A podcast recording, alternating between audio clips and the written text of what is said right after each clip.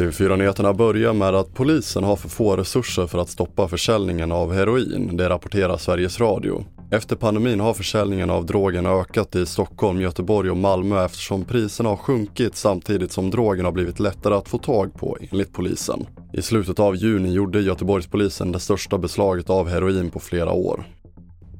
Vidare till Konsumentverket som nu varnar för bedragare som påstår sig ringa från myndigheten och försöker skrämmas genom att säga att personen har blivit id-kapade eller har flera obetalda fakturor hos ett telekombolag.